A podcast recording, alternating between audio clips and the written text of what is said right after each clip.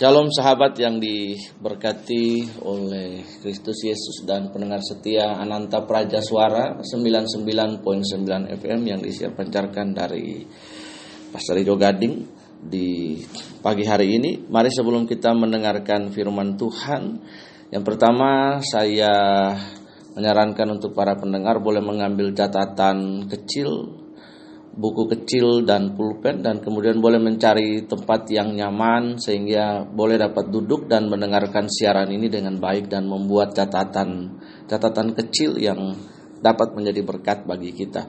Baik sahabat, mari kita berdoa. Bapa, selamat pagi. Kami bersyukur kepada Engkau Tritunggal kami yang kudus. Kami berdoa, kami mempercayai Roma pasal 10 ayat 17 yang berkata bahwa iman timbul oleh pendengaran dan pendengaran akan firman Kristus. Jadi hari ini ketika kami mendengarkan firman Tuhan, maka iman kami dikuatkan Tuhan. Iman kami dibangkitkan. Yang lemah boleh berkata, aku kuat. Dan yang putus asa boleh diberikan pengharapan. Dan yang sakit boleh disembuhkan di dalam nama Kristus Yesus. Kami berdoa dan mengucap syukur dan memberkati siaran dari radio Tuhan uh, Ananta Praja Suara di hari ini bersama dengan Tuhan rekan penyiar yang ada di hari ini Tuhan oleh memberkati kami semua. Di dalam nama Tuhan Yesus kami berdoa dan kami bersyukur di hari ini. Nah sahabat yang diberkati oleh Tuhan, anda yang sudah mengambil kertas, kemudian mengambil pulpen atau buku kecil dan untuk membuat catatan-catatan kecil dan mencari tempat yang nyaman untuk bisa duduk dan mendengarkan siaran ini.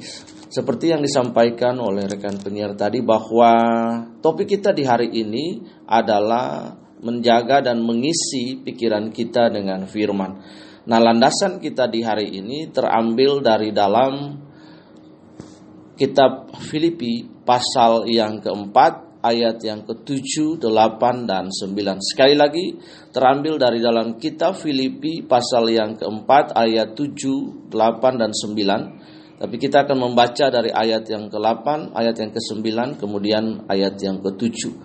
Baik, mari kita melakukan pembacaan. Jadi akhirnya saudara-saudara, semua yang benar, semua yang mulia, semua yang adil, semua yang suci, semua yang manis, semua yang sedap didengar, semua yang disebut kebajikan dan patut dipuji, pikirkanlah semuanya itu. Dan apa yang telah kamu pelajari, dan apa yang telah kamu terima, dan apa yang telah kamu dengar, dan apa yang telah kamu lihat padaku, lakukanlah itu, maka Allah sumber damai sejahtera akan menyertai kamu. Damai sejahtera Allah yang melampaui segala akal akan memelihara hati dan pikiranmu di dalam Kristus Yesus. Nah, sahabat yang diberkati oleh Tuhan Yesus, hari ini beberapa waktu lalu di akhir tahun 2019 saya membawakan sebuah renungan di tempat ini dari Radio Ananta Praja Suara 99 FM ini dengan judul Across 2020 with God. Jadi kembali lagi saya menegaskan topik yang pernah saya sampaikan dengan uh, topik yang uh, merupakan subtema dari apa yang sudah saya sampaikan. Nah, sahabat berkaitan dengan ayat yang kita sudah baca dan tema yang kita sudah usung di hari ini, maka paling penting bagi kita untuk memasuki dan menjalani 366 hari kalender Masehi di tahun 2020 ini dengan menjaga pikiran kita dan hati kita kemudian mengisi itu dengan firman Tuhan.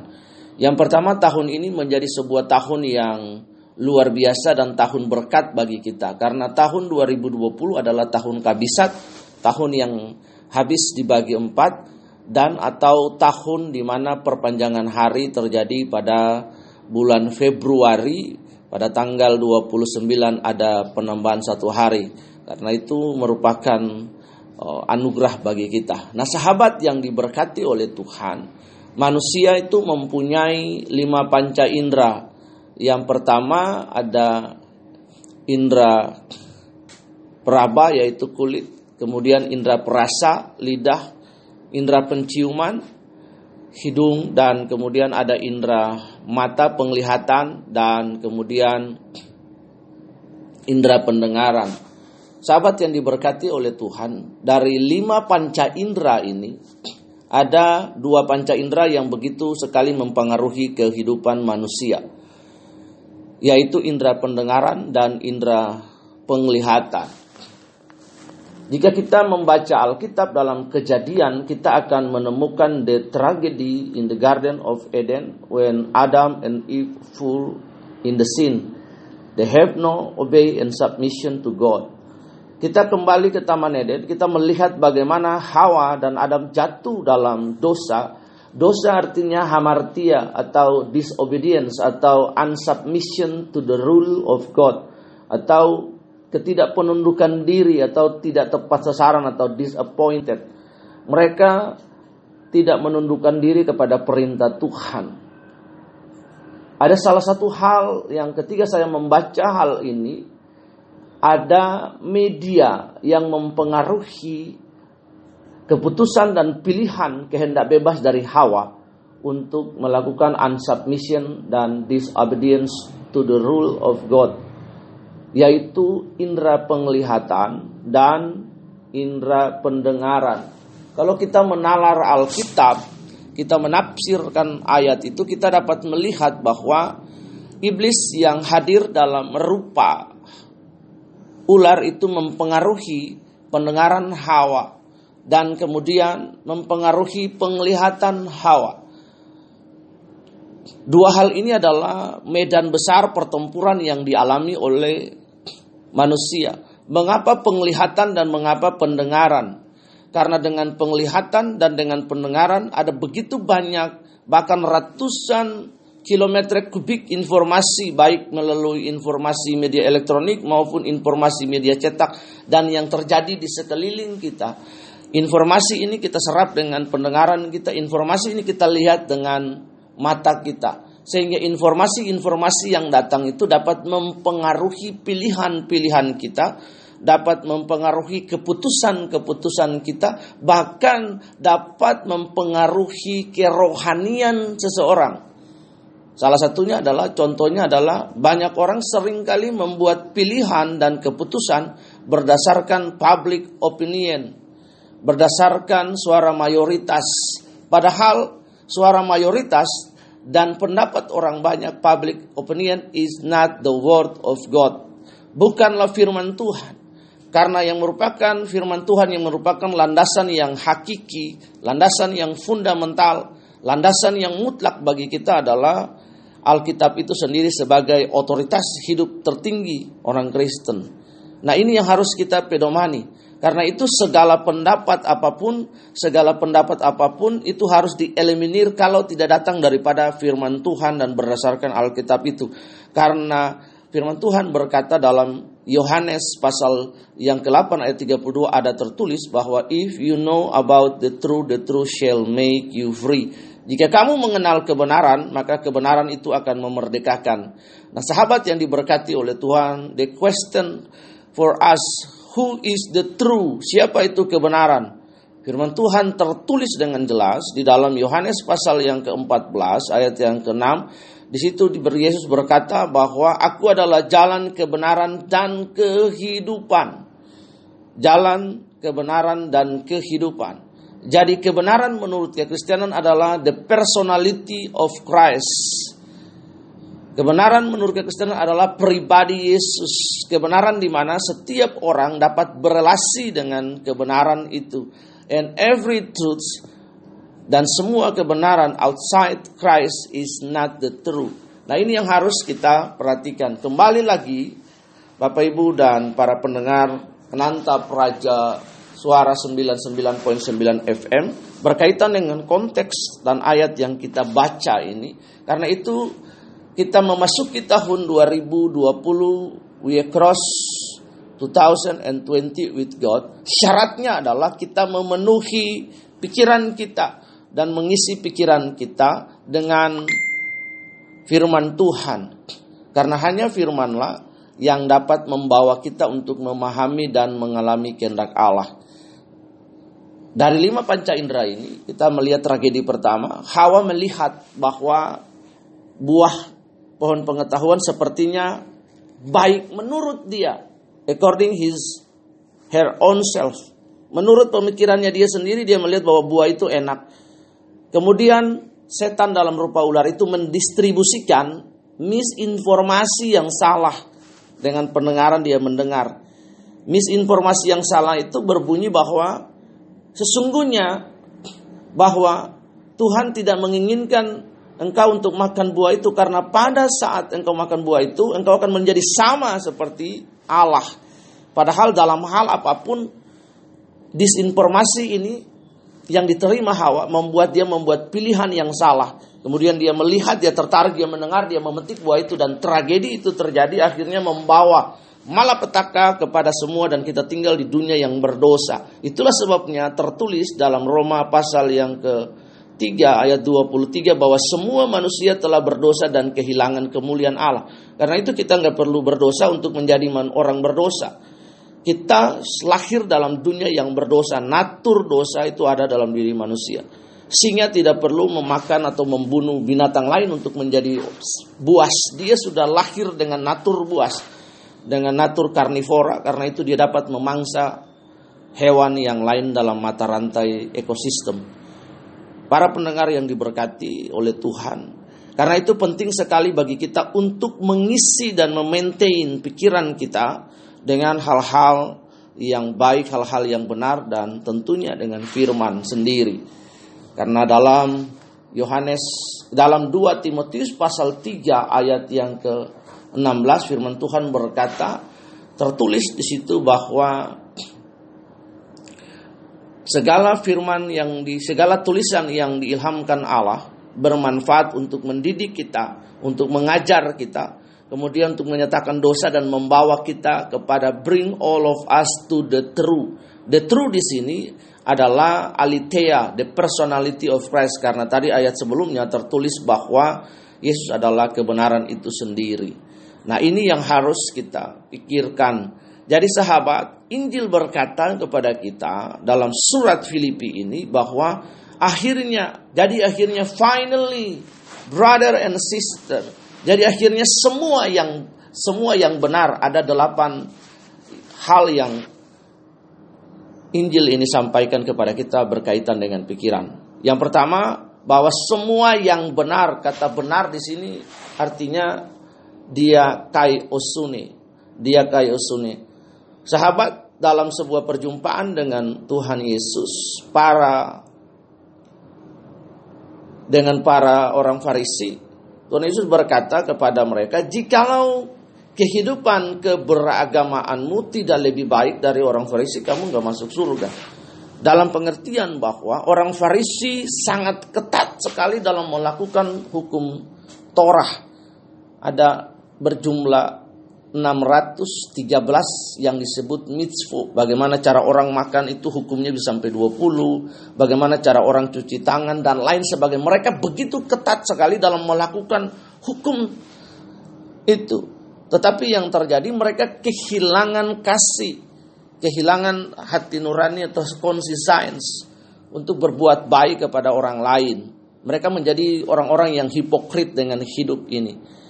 Nah, karena itu dia kayu sunni berbicara tentang attitude, berbicara tentang habit, berbicara tentang karakter. Itulah sebabnya dalam Roma pasal yang ke-12 ayat yang pertama dikatakan bahwa berubahlah oleh pembaharuan budimu supaya kamu dapat membedakan mana yang baik dan mana yang benar. Kata berubahlah itu dalam bahasa Inggris artinya transform. Dalam bahasa Yunani-nya disebut metamorfo. Nah, kalau kita belajar ilmu biologi, dalam metamorfo itu ada dua jenis metamorfosa. Yang pertama, metamorfosa tidak sempurna itu didapat pada hewan kecoa. Yang kedua, metamorfosa sempurna itu ada pada kupu-kupu dari uh, telur sampai kepada ninfa lalu kepada kepompong akhirnya jadi sebuah kupu-kupu yang cantik yang bagus. Nah, apakah kekristenan kita menjadi kekristenan yang kecoa atau kekristenan yang kupu-kupu yang mengalami metamorfosa sempurna karena pertobatan itu artinya metanoia. Return our minds, mindset merubah pikiran kita, konsep kita. Pikiran kita yang gelap karena itu metanoia adalah pembaharuan budi dan pikiran. Lawan daripada metanoia adalah dianoia. Karena itu Bapak Ibu Saudara sahabat pendengar yang setia di hari ini pentingnya bagi kita untuk mengisi pikiran kita dengan hal-hal yang benar. Pendengaran kita, penglihatan kita dapat mempengaruhi pilihan dan keputusan kita. Ada satu, ada dua contoh yang ingin saya ketengahkan dan saya kemukakan bagi kita. Yang pertama kita dapat melihatnya dalam bilangan pasal yang ke-13 ayat yang ke-30. Tentu semua para pendengar dan sahabat membaca dan pernah mendengarkan khotbah-khotbah tentang dua pengin, tentang 12 pengintai. Di antara 12 pengintai itu ada dua orang yang sangat luar biasa. There's a great man among the twelve, yaitu Yosua dan Kaleb. Ketika mereka diutus oleh Musa, mereka pergi kepada daerah orang enak tanah kanan. Mereka pergi dan mereka disuruh untuk mengintai melihat daerah itu. Dan yang terjadi ketika mereka kembali adalah mereka memberikan informasi ada dua informasi. Yang pertama, Yosua dan Caleb they bring the good news to, to the peoples. Dan yang kedua, sepuluh pengintai ini they bring the bad news. Itu mempengaruhi. Yang pertama Yosua, para sepuluh pengintai ini mereka berkata kepada kumpulan banyak orang Israel, Musa dan para pemimpin bahwa kita tidak bisa maju melawan daerah itu. Daerah itu memang subur, banyak anggur, pohon korma dan lain sebagainya. Tetapi daerah itu berkubu, berkota benteng, kita pasti hancur. Dan ini membuat kecut dan tawar hati karena informasi itu masuk ke dalam pikiran dan penglihatan. Kemudian masuk ke dalam hati, itu mempengaruhi attitude dan sikap hati. Karena itu ketiga orang-orang yang memberikan informasi untuk membuat kita menjadi kecut, menjadi tawar hati, menjadi pesimis, maka kita harus jauh dari mereka.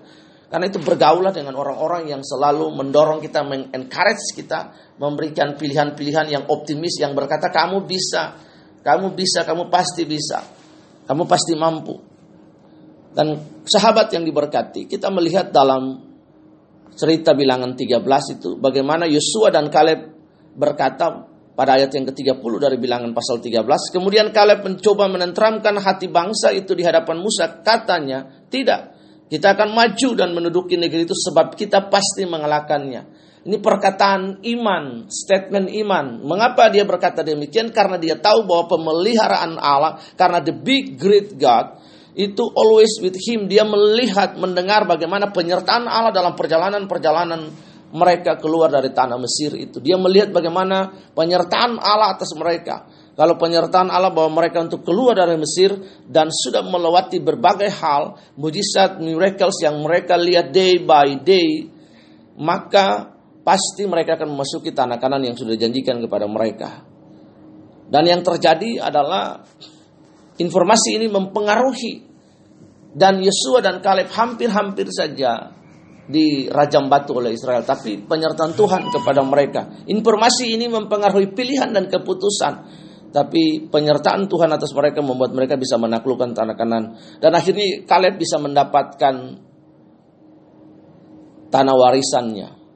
Nah ini penting sekali bagi bagi kita untuk mengisi pikiran kita dengan kebenaran. Bapak Ibu, pikiran kita harus diisi dengan firman Tuhan. Itulah sebabnya Roma 10 ayat 17 tertulis berkata bahwa iman timbul oleh pendengaran dan pendengaran akan firman Tuhan. Faith comes from hearing and hearing the words of God. Iman timbul oleh pendengaran. Ketika kita membaca firman Tuhan ini ter, firman Tuhan ini maka mendatangkan iman karena iman adalah dasar dari segala sesuatu yang tidak kita lihat dan kita harapkan. Karena itu ketika kita membaca firman, alasan mengapa kita mempercayai firman Allah adalah karena ada tertulis. Ketika dia berkata bahwa dia menyembuhkan kita dengan iman, kita percaya bahwa tertulis, dia berjanji dia menyembuhkan kita. Dia memberkati kita, dia menolong kita. Nah, berdasarkan firman, berdasarkan perkataan-perkataan Allah dalam firman itulah maka dasar bagi kita untuk mempercayai even we cannot see God but we can feel his existence in our life Kita tidak bisa melihat Allah, tapi eksistensi Allah itu dalam hidup kita. Bagaimana dia merubah hidup kita, bagaimana dia menolong kita. Sahabat yang diberkati oleh Tuhan Yesus. Itulah sebabnya Daud pun mengalami dilema ini. Ada tiga ayat yang secara berurutan sama itu menempatkan bagaimana Daud mengalami kegoncangan dalam diri, dalam jiwanya. Dalam Mazmur 42 ayat yang kelima di situ dikatakan bahwa mengapa tertekan jiwaku dan gelisah dalam diriku. Berharaplah kepada Allah sebab aku bersyukur lagi kepadanya penolongku dan Allahku. Ayat yang ke-11 berkata, Mengapa engkau tertekan hai jiwaku?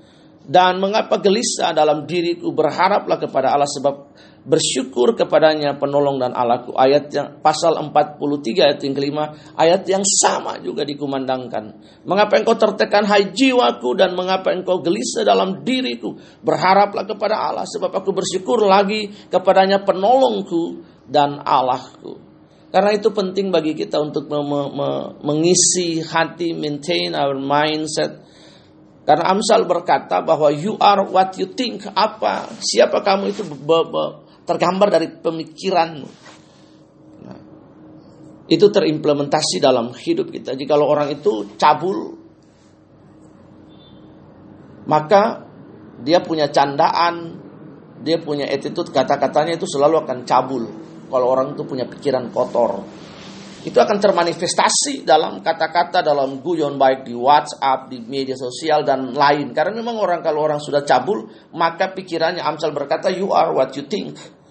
Nah, seperti itulah. Itulah sebabnya kita perlu maintain mengisi pikiran kita dengan hal yang hal yang benar kata Filipi tadi, semua yang mulia, semua yang adil, semua yang suci, semua yang manis, semua yang sedap didengar, semua yang disebut kebajikan dan patut dipuji. Pikirkanlah semuanya itu. Karena itu ada satu contoh lagi sahabat yang diberkati oleh Kristus Yesus dalam dua raja-raja tiga ayat yang ke-15 sampai 16. Sahabat di situ ada Nabi Elia, Nabi Elisa itu hadir pada sebuah persiapan peperangan. Ada dua raja di situ yang bersekutu, raja yang fasik, yaitu Raja Yoram dan kemudian raja kerajaan Israel Selatan karena waktu itu kerajaan terpecah menjadi dua Israel terpecah menjadi dua yaitu utara dan selatan. Nah Israel ini dipimpin oleh Raja Ahab raja yang fasik yang tidak takut kepada Tuhan dan tidak mengenal Tuhan. Dia hidup menurut ibunya yaitu Isabel. Nah yang berikut adalah Raja Yosafat. Kebenaran masih ada pada raja ini. Kemudian Raja Yosafat berkata bahwa Carilah seorang pemetik kecapi supaya dia dapat berfirman apakah peperangan yang kita adakan ini kita bisa memenangkannya atau tidak. Nah kondisi waktu itu adalah raja keluarga raja Ahab ini mencelakakan Israel dengan penyembahan penyembahan berhala sehingga semua orang pada ke sepuluh suku itu tidak lagi beribadah kepada Allah dalam bait suci. Nah, Elia dan Elisa dipanggil untuk melayani dalam kerajaan Israel utara yaitu ke sepuluh suku. Kita melihat di situ dia sangat marah dengan kondisi waktu itu ketika dia bertemu dengan Raja Yoram dia sangat marah sekali. Dalam dua Raja-Raja tiga, tiga ayat 15 sampai sekian Bapak Ibu boleh membaca dan mencatatnya kemudian melihat di situ. Dia sangat marah karena kehidupan keluarga raja yang fasik ini. Saking dia marah sebagai seorang nabi, maka pikiran dan rohnya itu tidak bisa menerima perkataan-perkataan firman daripada Allah. Itulah sebabnya dalam dua Raja-Raja 3 ayat 15 dikatakan oleh Nabi Elisa, maka sekarang jemputlah bagiku seorang pemetik kecapi Pada waktu pemetik kecapi itu bermain kecapi maka kekuasaan Tuhan meliputi dia. Artinya bahwa pikirannya dia sangat marah. Sehingga dia tidak dapat menentramkan rohnya, jiwanya untuk kemudian bisa tenang dan kemudian bisa mendengarkan Tuhan berbicara kepada dia. Karena itu dia harus memanggil seorang pemetik kecapi. Berbicara tentang penyembahan itu, firman itu dapat menenteramkan pikiran dan hati kita.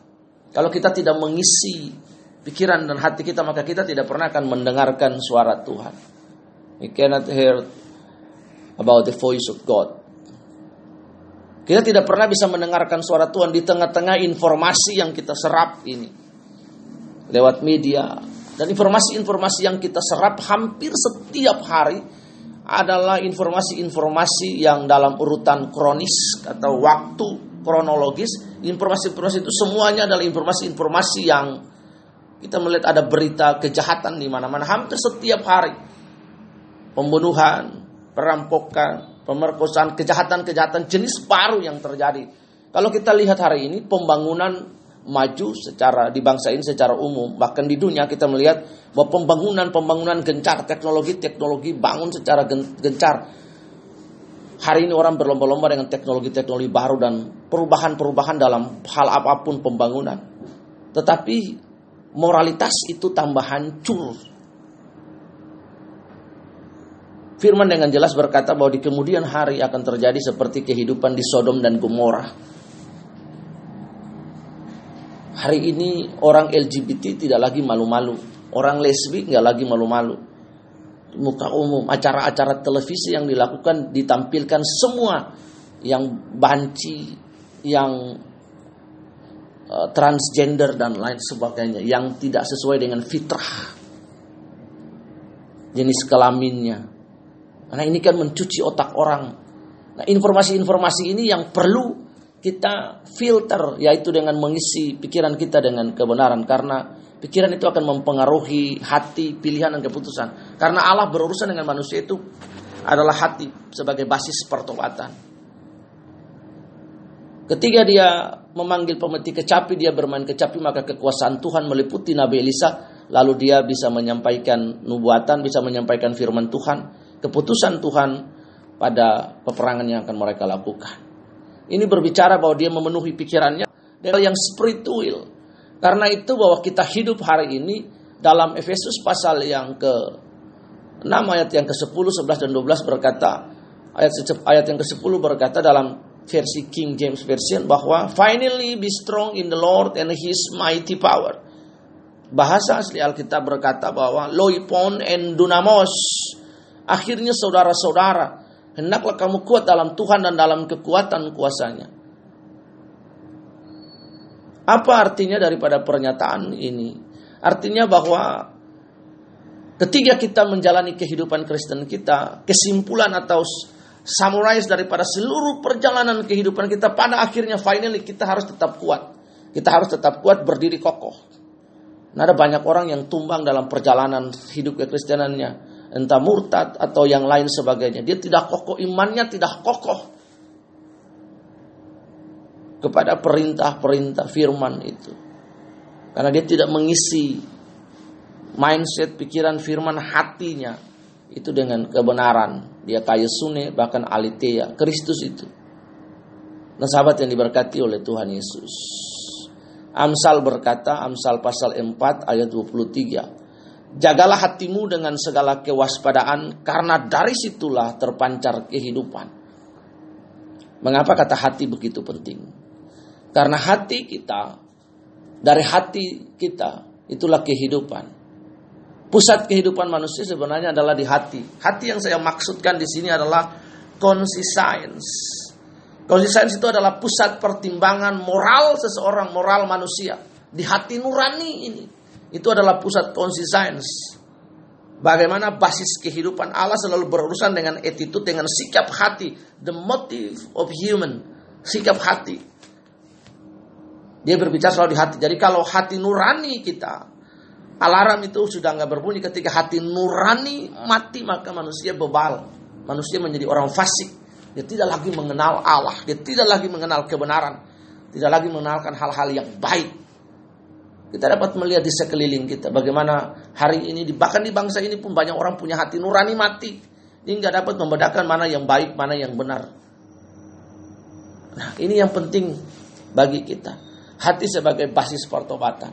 Karena itu Kita harus memenuhikan pikiran kita, hati kita.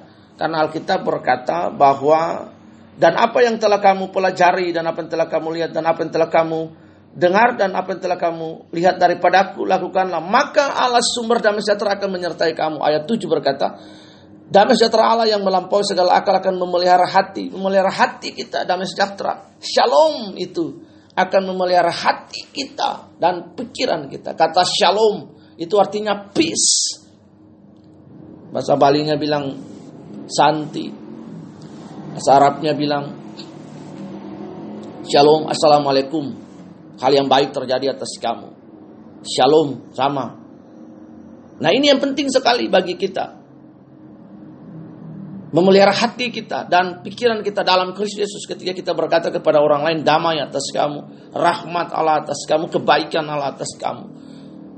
Nah ini yang penting sekali bagi kita menjaga terus hati, mengisi pikiran kita dengan hal-hal yang baik yaitu firman Tuhan akan memelihara hati dan kemudian memelihara pikiran kita dalam Kristus. Akhir-akhir ini Bapak Ibu kita lihat banyak orang menjadi stres, banyak orang menjadi stres kalau kita lihat TV. Kita dapat melihat ada begitu banyak berita yang terjadi hari di sekeliling kita. Nah, belum lagi bullying orang di Facebook dan lain sebagainya ada berita membuat media sosial juga mempengaruhi kehidupan kita. Media sosial itu baik, tapi sampai pada taraf tertentu media sosial juga bisa menjadi edik bagi kita. Kita bisa uh, seperti orang pakai narkoba, dia madat. Nah, kita jadi madat. Kalau kita nggak update status nggak seru. Kalau kita nggak komen orang nggak seru. Kalau kita nggak like orang nggak seru. Ada banyak orang hidup dari like Facebook. Akhirnya jadi stres sendiri dia berusaha dengan caranya untuk mempertunjukkan kepada followersnya orang yang friend dengan dia di Facebook. Akhirnya dia juga bisa menipu diri. Ya. Ada banyak orang contoh yang sudah menipu diri foto di mobil mewah ngaku punya rumah padahal semuanya bullshit. Nah ini yang perlu kita lihat. Memelihara hati dan pikiran kita. Itulah sebabnya Efesus pasal 3 ayat 20 berkata bagi dialah yang dapat melakukan jauh lebih banyak daripada yang kita doakan atau pikirkan seperti yang ternyata dari kuasanya yang bekerja di dalam kita. Jadi mari kita memenuhi pikiran kita dengan firman Tuhan. Informasi bagaimana pendengaran. Karena itu saya berdoa supaya pendengaran rohani kita dapat menangkap frekuensi dengan baik. Suara Tuhan dengan baik.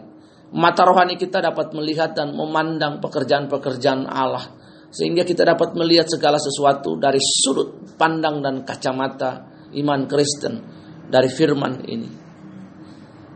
Itulah sebabnya sahabat Kolose pasal 3 ayat 2 berkata, "Pikirkanlah perkara-perkara yang di atas, bukan perkara yang di bumi." Karena itu Mazmur 100 Mazmur 90 ayat yang ke-12 berkata bahwa ajar kami Tuhan teach us oh Lord how to account our daily life. Menghitung hari-hari hidup kami supaya kami bijaksana. Memikirkan perkara-perkara bukan perkara bumi bukan berarti kita nggak memikirkan bagaimana mengelola keluarga bagaimana bekerja bagaimana makan. Tapi bagaimana kita mengisi pikiran kita. Bagaimana kita menjadi orang yang different berbeda. Di kantor di tempat pekerjaan dan lain orang dapat melihat kita menjadi orang yang ber, beriman. Nah, oh iya benar dia menjalankan akidahnya dengan baik dan benar. Nah ini supaya orang melihat kita. Kalau enggak kalau kita orang beragama tapi kita hidup tidak sesuai dengan keberagamaan kita, yang iman yang kita anut maka orang akan mencelah kita. Nah ini pikiran, hati dan perbuatan kita. Itulah sebabnya salah satu akidah Kristen kita adalah bagaimana kita mengisi pikiran kita, maintain pikiran kita ini our mindset dengan mengisinya dengan firman. Kalau saya berkata pikirkan perkara yang di atas, bukan perkara yang di bumi. Kita masih hidup di bumi. Kita makan, kita bekerja, kita bersekolah, kita kuliah dan melakukan hal apa pun. Tapi yang menjadi kita yang membuat kita berbeda adalah pikiran kita, cara kita bermindset ketika kita tinggal di bumi ini. Waktu sangat singkat, manusia dikasih waktu cuma sebentar. 70-80 tahun, sekarang orang umur 60 tahun udah sakit-sakitan, udah wayah. 80 dia udah meninggal.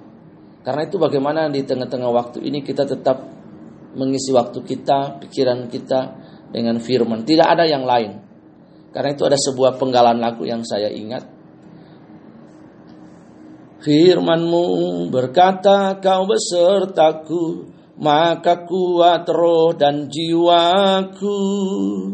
Nah ini penting bagi kita. Firman berkata bahwa engkau kuat. Jadi mari para pendengar sahabat Ananta Praja Suara 99.9 FM yang disiar pancarkan dari Pasar Ijo Gading lantai 2 di hari ini mari across 2020 with God with maintain your mindset. Fulfill it with the word of God. Penuhi dan isi itu dengan firman Tuhan. Kita akan masih menjalani 11 bulan ke depan sampai kita memenuhi waktu yang ada yaitu kalender Masehi. Kalender Masehi kita itu berjumlah hari. Tahun ini berjumlah 600 366 karena pada bulan Februari ada penambahan satu hari yaitu pada tanggal 29 jadi nggak tanggal 28. Nah, kalau kita diberikan anugerah kita diberikan kebaikan oleh Tuhan untuk ditambahkan satu hari betapa kita bersyukur untuk hari ini. Itu yang ingin saya sampaikan, itu yang ingin saya ajarkan bagi kita sehingga 11 bulan berikutnya yang akan kita masuki pikiran kita menjadi pikiran yang dipenuhi oleh pikiran Kristus, hal-hal yang baik, yang benar. Kita pikirkan itu kita memasuki. Kadang-kadang orang tidak berpikir bahwa medan pertempuran terbesar yang dia alami adalah mindsetnya. The big battlefield in the human life adalah his mindset, pikiran. Medan pertempuran terbesar adalah pikiran. Bagaimana setiap hari dia bernalar, dia berpikir, dia berlogika. Nah, karena itu logika itu penting sekali juga bagi kita. Bagaimana kita berpikir. Tapi kita tidak hidup berdasarkan logika, yaitu isme, logi, logi, logi isme artinya pahamnya yang kita bahwa semua harus diselesaikan logika enggak. Kita perlu untuk berpikir, untuk menyusun rencana, untuk menyusun program hidup dan lain-lain. Tapi hidup kita adalah depend to God, bergantung kepada Tuhan as our source sebagai sumber kita. Nah ini penting sekali, sahabat pendengar yang diberkati oleh Tuhan. Karena itu saran saya adalah penuhi hari-hari hidupmu dengan kebenaran karena kebenaranlah yang memerdekakan kita. Firman Tuhan berkata dalam Yohanes pasal yang ke-8 ayat 32, if you know about the truth, the truth shall make you free. Free from what? Yang pertama adalah the dominion of the mindset. Banyak orang terjajah oleh pola pikirnya. Dijajah, diperbudak oleh slaving by his or her mindset. Dijajah oleh pola pikir, oleh mindset. Nah kita mengalami flee dibukakan, dimerdekakan jika kita mengisinya dengan kebenaran. Karena firman itu sangat kuat sekali, berkuasa. Karena itu mari sahabat, penuhilah hari-hari hidupmu, deklarasikan. Baca firman, kumandangkan firman sehingga firman itu menjadi darah daging dalam hidup kita. Kalau kita memperhatikan saudara-saudara kita, orang Jus, itu Ibrani, itu ada firman Tuhan berkata dan mereka melakukan itu memang secara lahiriah tapi ini penting sekali kita belajar konsep ini bahwa firman Tuhan berkata bahwa ke mana pun engkau pergi bawalah firman Tuhan. Tuliskan pada ambang pintu, ikatkanlah itu pada lenganmu dan taruh pada kepalamu. Ada sebuah yang namanya zalid. Kumpulan kitab Torah Musa yang berjumlah lima buah itu dari kejadian keluaran imamat, bilangan dan ilangan itu dibuat dalam bentuk huruf yang paling kecil dalam buku kecil. Kemudian diikat dalam tangan mereka, ditaruh di kepala, di kapah mereka. Ada kafiyeh itu mereka taruh dan mereka bawa ke mana-mana. Mereka hafal itu. Nah kalau kita jadi orang Kristen, kita tidak pernah bisa menghafal ayat Alkitab. Mengingat ayat Alkitab, rajin baca Alkitab, betapa memalukannya Anda untuk menjadi seorang Kristen. Karena Anda nggak pernah tahu firman. Sekali lagi betapa memalukannya. Karena itu biasakanlah dirimu untuk membaca kitab sucimu. Supaya nggak gampang murtad. Bapak Ibu, mari penuhi hari-hari. Anda tahu dalam dalam Matius pasal yang keempat, itu ketika Yesus facing with Satans. Yesus menghadapi setan, dia berkata, the fourth time Jesus says Satans. Ada tertulis, ada tertulis dalam kitab sucimu, dalam kitab suci. Hanya kepada Allah yang kau menyembah. Ada tertulis dalam kitab suci bahwa manusia tidak saja hidup dari roti, tapi every words come out ya from the word of God. Jadi penting sekali bagi kita untuk memenuhi hari kita dengan kitab suci. Baik sahabat yang diberkati oleh Tuhan, ini pesan saya, across 2020 with dengan firman Tuhan, dengan memenuhi hati dan pikiranmu dalam Kristus Yesus dengan mengisinya dengan firman Tuhan. Mari kita berdoa. Bapak kami berdoa dan kami bersyukur dalam nama Yesus untuk program di hari ini. Terima kasih kami belajar untuk menjaga pikiran kami, hati kami mengisinya dengan kebenaran. Kami berdoa biarlah firman ini memerdekakan kami di dalam nama Yesus. Yang mendengar berkata aku kuat, yang lemah berkata aku kuat, yang sakit boleh disembuhkan, imannya dibangkitkan. Kami berdoa memberkati pemerintah Jembrana dari Pak Bupati, Wakil Bupati, Muspida tingkat 2 Kabupaten Jembrana, Tuhan Pak Kapolres, Pak Dangdim, Kepala Pengadilan, Kepala Kejaksaan. Tuhan memberkati mereka. Tuhan biarlah 52 desa, 10 kelurahan, Tuhan 5 kecamatan diberkati oleh Tuhan. Engkau memberkati rakyat Jembrana ini, memberkati program-program pemerintah. Terlebih kepada Radio Ananta Praja Suara yang menyuarakan Tuhan program-program pemerintah dan hal-hal yang baik Tuhan memberkati mereka memberkati semua penyiar yang ada, memberkati kehidupan keluarga rumah tangga mereka menjadi keluarga yang baik. Tuhan tolong mereka berikan rezeki kepada mereka, kesehatan kepada mereka. Bahkan Tuhan rekan reporter yang hari ini hadir hamba tidak tahu namanya tapi biarlah engkau Tuhan yang maha tahu memberkati pribadi, memberkati hidup, memberkati keluarga dan pelayanan dan pekerjaan. Engkau memberkati siaran ini boleh menjadi berkat bagi orang lain. Kami berdoa mengucap syukur, mari angkat tangan dan terima berkat Tuhan sahabat semua. Kasih karunia daripada Allah yang jauh melampaui segala roh hikmat akal dan pikiran. Menolong dan memberkati semua kita untuk menjalani hari ini dengan pikiran yang benar dalam Kristus dan meraih kemenangan. Terpuji nama Tuhan. Kami sudah berdoa dan mengucap syukur. Haleluya. Sampai jumpa pada program berikutnya. Tuhan Yesus memberkati. Amin. Baik pendengar di mana pun Anda berada, sebuah topik yang cukup menarik sekali disampaikan oleh Bapak Roy Sipahelut.